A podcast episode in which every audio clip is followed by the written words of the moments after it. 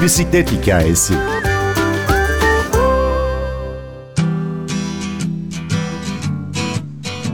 Bisiklet yolunda giderken duracağınızı arkadakilere nasıl işaret edersiniz?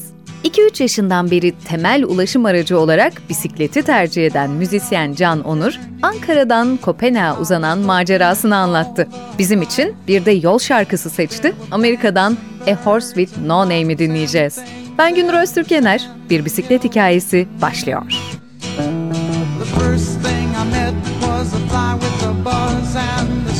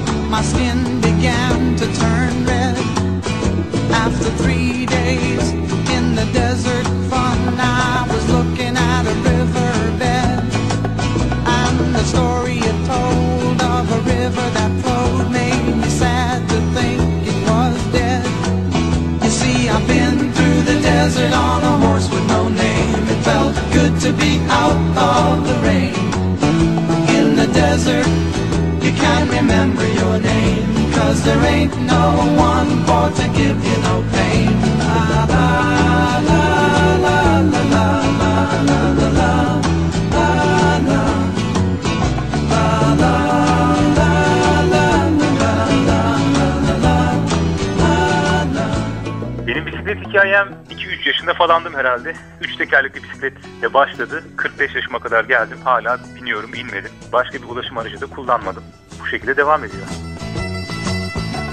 Ankara'da uzun yıllardır çok evet. büyük mesafeleri şehir içi ulaşımda bisikletle alıyorsun. Zaten şehirler arası seyahatlerinde de hatta ülkeler arası ülkeler seyahatlerinde arası. de bisiklet kullanıyorsun. Birazcık değinir misin bu yolculuklara? Tabii yani ben Ankara'da bütün ulaşımımı bisikletle sağlıyorum. Yani işte pazar alışverişimi bisikletle yapıyorum. Kedimi veterinere götürürken bisikletle yapıyorum. İşte derse giderken, işime giderken bisikletle. Yağmurda, karda, kışta her zaman kullandığım aracım benim bisikletler oluyor. Her mevsime göre, her yapacağım her aktiviteye göre farklı bisikletim var. Yani yarış türü bineceksem ona göre bir bisikletim var. İşte karda gideceksem, uzun yolda gideceksem, yük taşıyacaksam çeşitli bisikletlerim var. Bundan çok keyif alıyorum. Ankara gibi bir metropolde bütün ulaşımını bisikletle sağlamak nasıl bir şey? Gerçekten çok tehlikeli. Bunun tehlikeli olduğunu nasıl anladım diye soracak olursanız Şimdi ben eşime çok ısrar ediyordum. O da binsin, çok keyifli bir şey bu, neden bilmiyorsun falan diye biraz da serzenişte bulunuyordum. O da korktuğunu söylüyordu bana. Ya diyorum bak korkacak bir şey yok, çok keyifli bir şey bu. Israrla binmedi. Ondan sonra ben bir tane bisiklet buldum çöpten. Çok böyle derbeder harap durumdaydı. Onu baştan kendim topladım, tertemiz yaptım. Birçok parçasını kendim evde ürettim. Sonra eşimin bu hoşuna gitti. Yaptığım emeği gördükten sonra dedim bak ben sana bunu veriyorum, hediye ediyorum dedim. Çok mutlu oldu. O da keyif aldı. Ondan sonra biz yavaş yavaş biraz böyle Eskişehir yolu, Konya yolu gibi yollara çıkmaya başladık. Ve ben ondan sonra yaptığımız için ne kadar tehlikeli olduğunu farkına vardım. Çünkü acemi ve bilmeyen birine anlatmaya başlıyorsunuz. İşte şuradan kamyon gelir, buradan taksi gelir, buradan kapıyı açarlar, böyle onlarca, yüzlerce detayı anlatmaya başlayınca bunun ne kadar tehlikeli olduğunu anlamış oldum. Aslında tehlikeli ama ben tabii çocukluğumdan beri bu şehirde yaşadığım ve büyüdüğüm için bütün tehlikelerimiz görerek yaşadım ve bana tehlikeli gelmiyor. Hatta eğlenceli bile geliyor. Şimdi senin bisikletli maceran Avrupa'ya taşınıyor. Kopenhag'da evet, evet. sürdüreceksin. Zaten bir süredir git gel yapıyordun Kopenhag'la Ankara arasında değil mi? Eylül ayında taşındık. Ben bir ay falan orada kaldım. Kedimizi almaya buraya geldim. Bir kere gittim Kopenhag'a ama daha evvel 3 sene Avrupa'yı gezdim, dolaştım. Gitmemiştim Danimarka'ya. İlk kez bu sene gördüm Danimarka'yı. Güvenli bir yer, rahat, huzurlu bir yer. Benim hoşuma gitti. Biraz pahalı, çok pahalı bir ülke. Dolayısıyla yani mesela ulaşım da çok pahalı. Taksi zaten inanılmaz yüksek rakamlar ulaşımla Türkiye ile kıyaslanmayacak şekilde pahalı. Toplu taşıma da çok pahalı bize göre. O yüzden yani bisiklet en doğru tercih. Ankara'dan oraya giderken bir tane bisiklet götürdüm. Yani iyi ki de götürmüşüm. Bütün ulaşımımızı onunla sağladık. Yani ben en azından sağladım. Onun dışında yürüdük. Peki Kopenhaglıların zaten öyle bir ortama doğduğunu biliyoruz. Onların hayatının evet, bir evet. parçası bisiklet. Sen neler gözlemledin? Şimdi çok komik oldu. Ben havaalanından indim. Yanımızda da 60 kiloya yakın eşyamız var. Eşyanın işte yarısından çoğunu ben aldım. Bir kısmını da eşime verdim. O metro ile giderken ben de işte bisikletle gideceğim. Tabii ben Ankara'dan geldiğim için bisiklet yolu kavramı bende yok. ben direkt otoyola girmişim farkında olmadan. Hemen anında polis geldi uyardı. Dedi ki buradan gidemezsiniz dedi. İşte şurada bisiklet yolu var. İşte adamın gösterdiği yoldan gittim. Sonra yolda bir tane bir kadınla rastladım. Ona da dedim ki işte şu adresi biliyor musunuz? Ben sizi götüreyim dedi. Maceram öyle başladı Kopenhag'da. Sağ solu çok iyi niyetli bir insandı. Bana bütün kurallarını anlattı bisiklet yollarının. Zaten yaptığım bütün hatalarda arkamdan bağırdı. Can öyle yapma böyle yapma falan gibi. Çünkü ben kırmızıda geçiyorum, dönüşlerde sinyal vermiyorum, duracağımı belli etmiyorum. Dedi ki bak Döneceğin zaman muhakkak elinde sinyal veriyorsun. Duracağın zaman arkadaki insanlara, bisikletlilere duracağını belli ediyorsun. Dönüşler işte kendine göre kuralları var. Karşıya geçeceksin, işte şöyle yapacaksın, böyle yapacaksın. Kurallara uymazsan olmaz dedi. Beni bayağı tenkit etti, eleştirdi. Gideceğimiz yere kadar geldik. Ben ilk dersimi almış oldum. Ondan sonra da yavaş yavaş alıştım. Hiç bilmeyenler için gözümüzde canlandırmamızı sağlar mısın? Sinyali nasıl veriyorsun? Ben duracağım şimdi diye arkandaki bisikletlilere nasıl işaret ediyorsun? Elinizi kaldırıyorsunuz, duracağım diyorsunuz. Bu.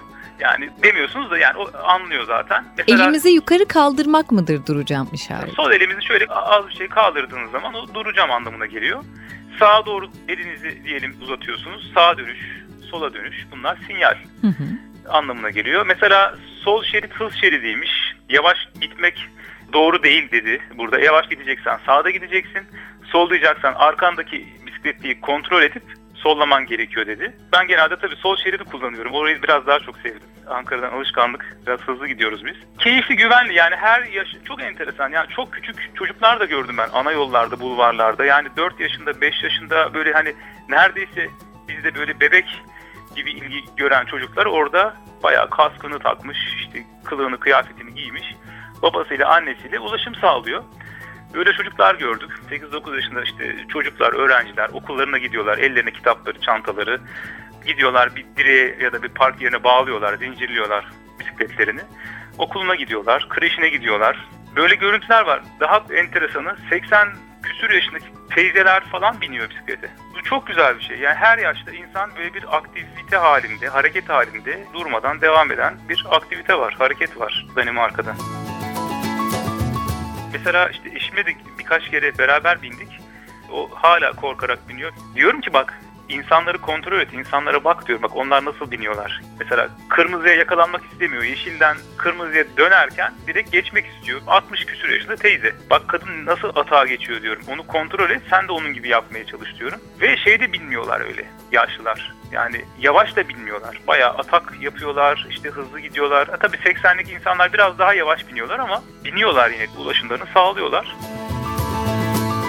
Bundan sonrası için umutların, beklentilerin, hayallerin nedir? Bisikletli yaşama ilişkin gelişmeler olur mu bizde de? Ne söylemek istersin? Şimdi şöyle söyleyeyim. Ankara'da yaşadım ben 45 sene. Ankara'da bisiklet yolu yoktu. 45 sene boyunca ben görmedim. Bu sene bisiklet yolu yapılmaya başladı. 400 metre bir yol yapıldı Anıttepe civarında. Bir gün eve geliyordum çalıştığım yerden. Dedim şu yola bir gireyim. Gözlerim doldu. Çünkü 45 sene geçmesi gerekiyormuş benim böyle bir şeyi görmemişim. En azından dedim bir gireyim şurada bir gideyim dedim yani. Bir 400 metrelik bir yol. Ya 5,5 milyon nüfuslu bir başkentte şu an 400 metre bir yol var Anıttepe'de. Bir de Başkent Üniversitesi'nin yeni yapılmış 4 kilometrede orada var. Yani yolun bir kısmını ayırıyorlar. Orayı maviye boyuyorlar. İşte etrafında bisiklet ikonları, resimleri çiziliyor. Bu bisiklet yolu sadece bununla bitmiyor aslında. Yani tamam yol yapmak çok büyük bir adım, çok güzel bir şey ama sadece bununla bitmiyor. Onun altyapısını sağlamak lazım. Şimdi biz altyapı dendiği zaman kanalizasyon borusu, künk gibi konular geliyor. Bir yeraltı gibi konular geliyor da eğitim, ahlak, terbiye bu tip konular da çok önemli. Yani bunları vermeden o bisiklet yolunun hiçbir anlamı olmuyor. Biraz üzücü ama yani en az bir 20 senenin ciddi bir eğitim sürecinden geçirilerek böyle bir kültüre ulaşacağımızı ben tahmin ediyorum. Olmaz değil, olur. Bisiklet yolu bir başlangıçtır. Umarım devamı gelir. Ama lütfen eğitim altyapısına önem verilsin. Ahlak altyapısına önem verilsin. İnsanlara şiddet değil, sevmek öğretilsin. Çevrecilik öğretilsin. Can Onur anlatıyordu. Veda etmeden küçük bir not düşelim. Sohbetimizde değindiği hurda bisikleti tamir edip onunla 25 bin kilometre yol kat ederek 18 ülkeyi gezme hikayesini de merak edenler ntvradio.com.tr podcast sayfasında Hayata Dönen Bisikletler bölümünü dinleyebilir. Ben Günür Öztürk Yener, prodüksiyonda Ersin Şişman, bisikletin değiştirip dönüştürdüğü yaşam hikayeleriyle biz yine burada olacağız. Hoşçakalın.